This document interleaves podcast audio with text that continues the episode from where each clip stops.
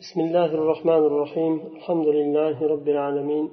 والصلاة والسلام على سيد المرسلين محمد وعلى آله وأصحابه أجمعين. اللهم علمنا ما ينفعنا وانفعنا بما علمتنا وزدنا علما يا عليم. وقال محمد بن عبد الرحمن الأدرمي لرجل تكلم ببدعة ودعا الناس إليها هل علمها هل علمها رسول الله صلى الله عليه وسلم وأبو بكر وعمر وعثمان وعلي؟ أو لم يعلموها؟ قال لم يعلموها. قال فشيء لم يعلمه هؤلاء أعلمته أنت؟ قال الرجل فإني أقول قد علموها. قال أفوسعهم ألا يتكلموا به ولا يدع ولا يدعو الناس إليه أم لم يسعهم. قال بل وسعهم. قال فشيء وسع رسول الله صلى الله عليه وسلم وخلفاءه. لا يسعك أنت؟ فانقطع الرجل. فقال الخليفة وكان حاضرا لا وسع الله على من لم يسعه ما وسعهم محمد بن عبد الرحمن الأدرمي bir bid'at haqida gapirib odamlarni shu bid'atga chaqirgan kishiga shunday dedi shu bid'atni rasululloh sollallohu alayhi vasallam abu bakr va umar va usmon va ali bilardilarmi yo bilmasdilarmi ular hayotlik vaqtlarida shu sen odamlarni unga chaqirayotgan bid'atni bilardilarmi yo yo'qmi? Bid'atga chaqiradigan kishi aytdi lam ya'lamuha. Ular bilmasdilar dedi. Adramiy rahimaulloh aytdilar ular bilmagan narsani sen bildingmi? Va bid'atga chaqiradigan kishi men ular biladilar deyman dedi. Bilar edilar deyman. Adramiy javob berdilar. Ular bilib turib shuni gapirmagan bo'lsalar va odamlarni shu bidatga chaqirmagan bo'lsalar shu narsa ularni sig'dirgan bo'lsa bilib turib gapirmaslik va odamlarni chaqirmaslik shu narsaga. Nima uchun sizni sig'dirmadi shu narsa? Oldin so'radilar ya'ni ularni shu narsa sig'dirdimi chaqirmaslik yo yo'qmi deganda sig'dirdi deb deydi u. Ya'ni ular bildilar va odamlarni chaqirmadilar shu bidatga. Va shu chaqirmasligi ularni sig'dirdi. Ya'ni ular shu narsani qildi ya'ni chaqirmaslikni ya'ni chaqirmadi demoqchi bo'lyapti. Undan keyin adramiy javob beryaptilar وسع رسول الله صلى الله عليه وسلم وخلفائه لا يسعك لا يسعك أنت ularni sig'dirgan narsa sizni sig'dirolmadimi so'zdan uzildi ya'ni to'xtab qoldi gapirolmay qoldi va xalifa ham u davrada u majlisda hozir edi mu'tasim billahi deyishadi u xalifani Ularni sig'dirgan narsa kimni sig'dirmasa alloh taolo o'sha kishiga kenglik bermasin deb duo qildi. Torlik bersin deb. Bu yerda ajoyib badramiyni nimalari? Uslublari. Munoqasha uslublari shayx usaymin rahimalloh to'rtta marhalaga bo'lib keltiradilar وهكذا لم يس من لم يسعه ما وسع رسول الله صلى الله عليه وسلم وأصحابه والتابعين لهم بإحسان والأئمة من بعدهم والراسخين في العلم من تلاوة آيات الصفات وآيات أخبارها وإمرارها كما جاءت فلا وسع الله عليه shuningdek kimni rasululloh sollallohu alayhi vasallamni va sahobalarni tobeinlarni ulardan keyin kelgan imomlarni ilmda rosih bo'lgan sig'dirgan narsa sifatga taalluqli bo'lgan oyatlarni tilovat qilishlik va ularni ma'nolarini sharh qilishlikka kirishmaslik aqllari bilan sharh qilib ma'no berishlik. Tavil qilishlik. Va shu xabarlarni o'qib qanday kelgan bo'lsa shunday o'tkazib yuborishlik uni nuqson ham qilmasdan ziyoda ham qilmasdan o'tkazib yuborishlik kimni sig'dirmasa alloh taolo unga kenglik bermasin torlik bersin. Motasim billah xalifani nimasini duosini qaytarilyapti bu yerda nafaqat rasululloh bilan sahobalar e, xulofa roshidinlarni balki ulardan keyingi tobein va ilmda rosih bo'lgan imomlarni sig'dirgan narsa kimni sig'dirmasa alloh taolo unga torlik bersin deyapmiz endi sharh مناظرة جرت عند خليفة بين الأدرمي وصاحب بدعة xalifaning oldida bo'lgan munoqasha adramiy va bid'at egasini o'rtasida.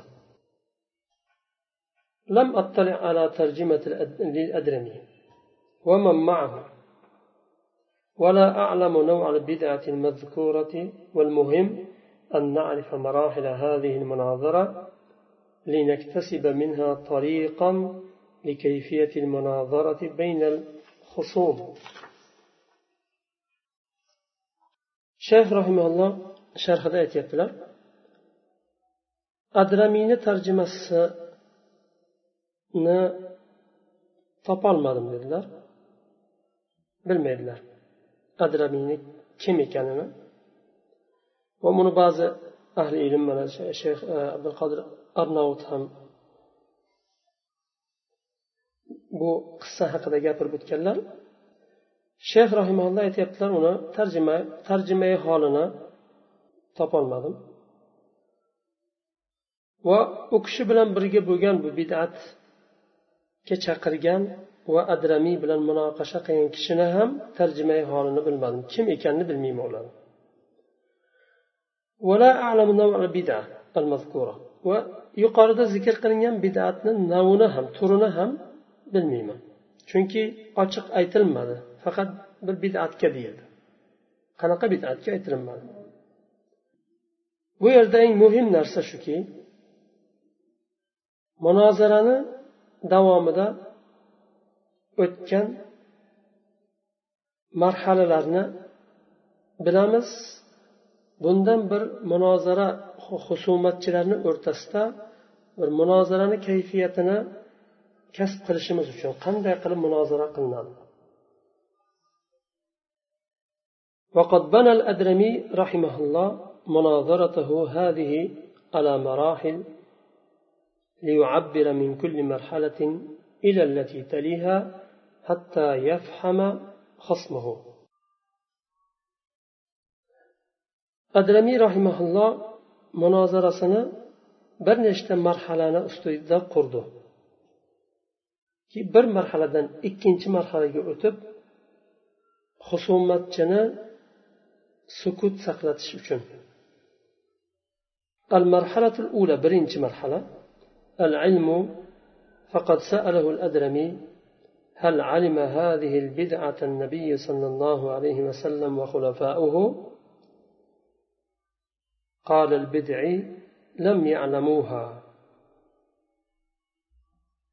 birinchi marhalada adramiy rahimaulloh bu bidatni aslini bilishlik haqida so'radi rasululloh vasallam va xalifalari bu bidatni bilardilarmi deb so'raganda bidatchi yo'q dedi وهذا النفي هذا النفي يتضمن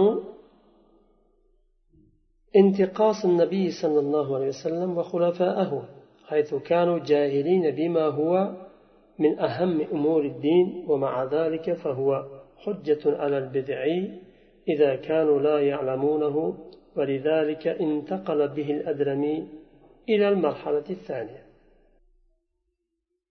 bu nafiy ular bilmasdilar deb nafiy qildi bu nafiy o'zini ichida o'zini ichiga olardi rasululloh sollallohu alayhi vasallam va u kishining xalifalarini bilmasliklarini va nuqson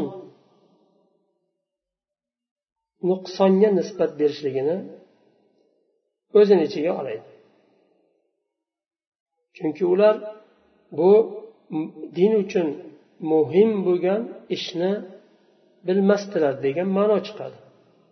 U bidatga chaqirayotganda muhim deb chaqiryapti ho'p rasululloh alayhi vasallam uni bilmagan bo'lsalar muhim ekanini siz bilibsiz muhim ekanini demak bu nuqson bo'ladi rasulga va xalifalariga.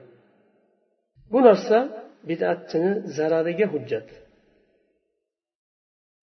Shuning uchun adramiy rahimaulloh ikkinchi marhalaga ko'chdi.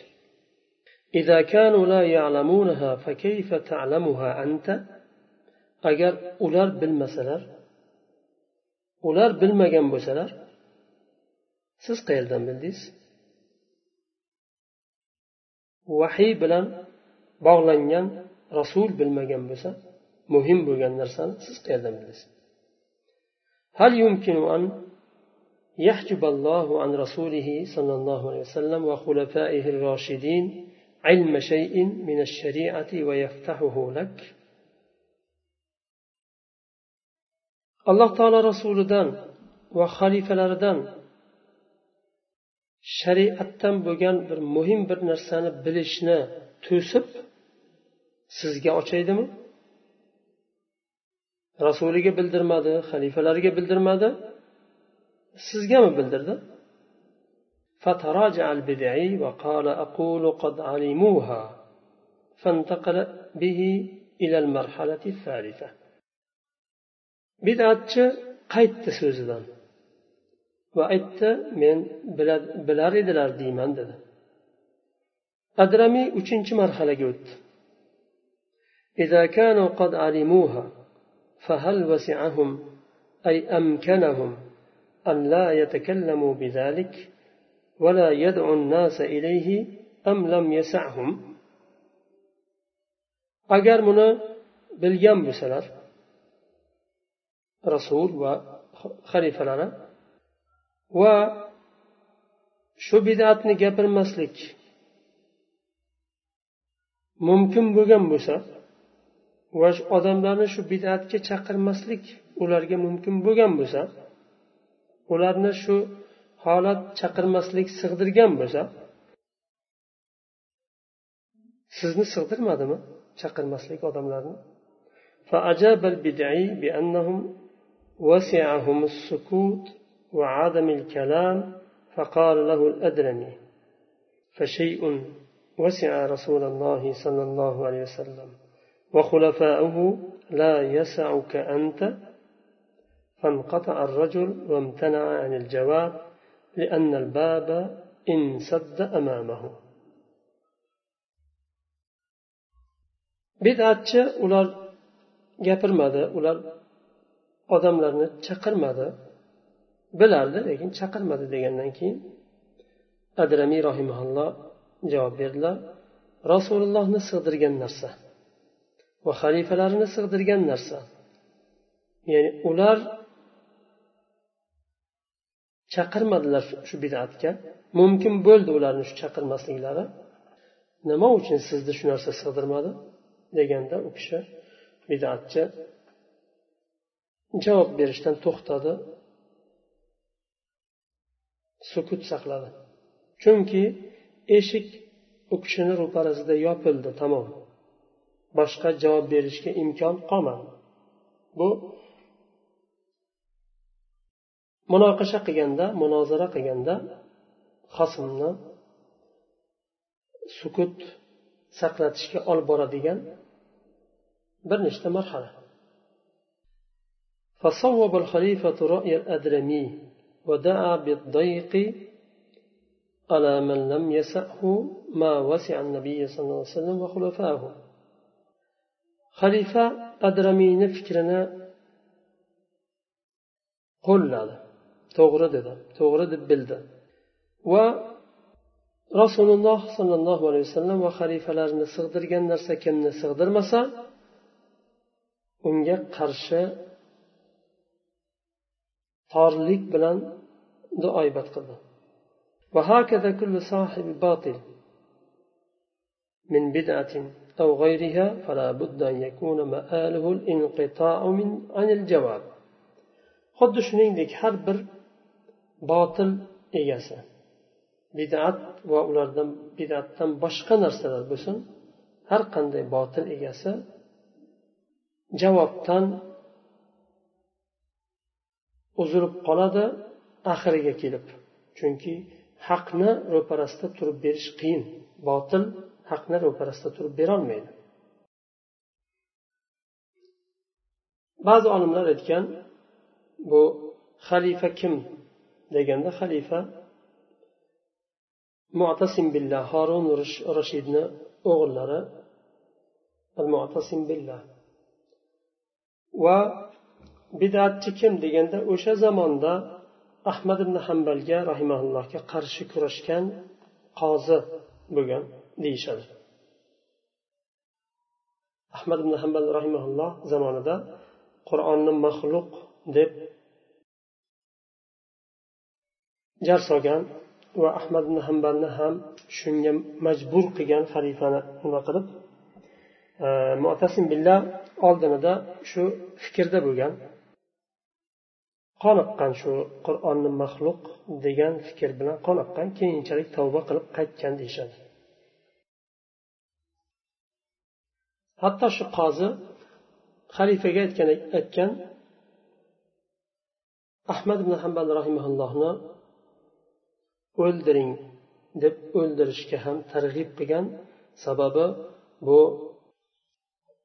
noto'g'ri fikrda va odamlar o'zi adashdi va odamlarni ham adashtiradi deb ahmad ibn hambal rahimaullohni o'ldirishga ham chaqirgan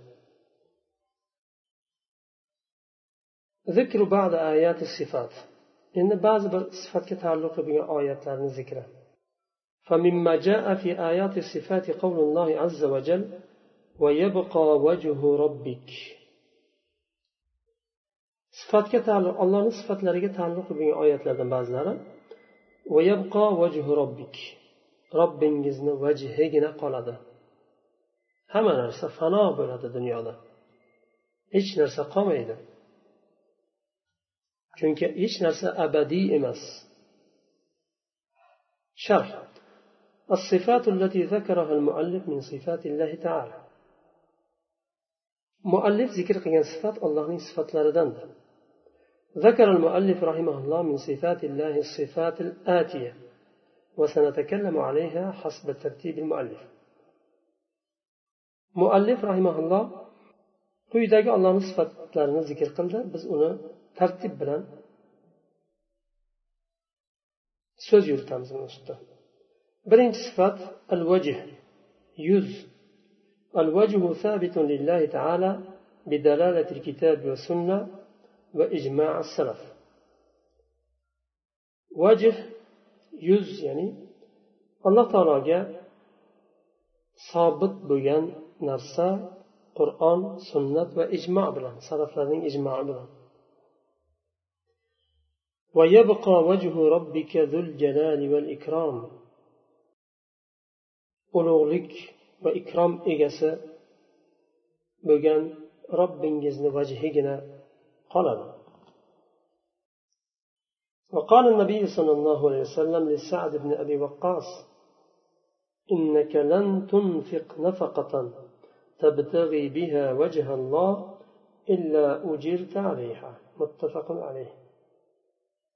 رسول الله صلى الله عليه وسلم سعد بن أبي وقاص كيتدلر muttafaqun alayhi bo'lgan hadisda siz biror bir nafaqani har qanday nafaqani ollohni vajihi uchun qilsangiz albatta uni evaziga ajr olasiz. وأجمع السلف على إثبات الوجه لله تعالى فيجب إثباته له بدون تحريف ولا تعطيل ولا تكييف ولا تمثيل وهو وجه حقيقي يليق بالله salaf solih ijmo qilishdi vajihni alloh taologa isbot qilishga bor deb isbot qilishga ijmo qilishdi. Demak shunday ekan salaflar ijmo qilgan ekan uni isbot qilishlik vojib bo'ladi hech qanday tahrifsiz o'zgartirishsiz tatilsiz va takyif tamsilsiz isbot qilish vojib bo'ladi va u haqiqiy vajh allohga loyiq bo'lgan holdagi kayfiyatini bilmaymiz kayfiyatini bilmaymiz bor lekin allohni ulug'ligiga buyukligiga loyiq bo'lgan holda وقد فسره أهل التعطيل بالثواب ونرد عليهم بما سبق في القاعدة الرابعة تعطيل أهل لرا تفسير قلشت بوجهنا صواب دب biz uni rad qilamiz yuqorida o'tgan to'rtinchi qoidaga asoslangan holda وقوله سبحانه وتعالى بل يداه مبسوطتان ikkinchi sifat yadani ikkita qo'l اليدان من صفات الله الثابتة له بالكتاب والسنة وإجماع السلف ikkita qo'l ikki qo'l ollohni sifatlaridandir va bu allohga sobit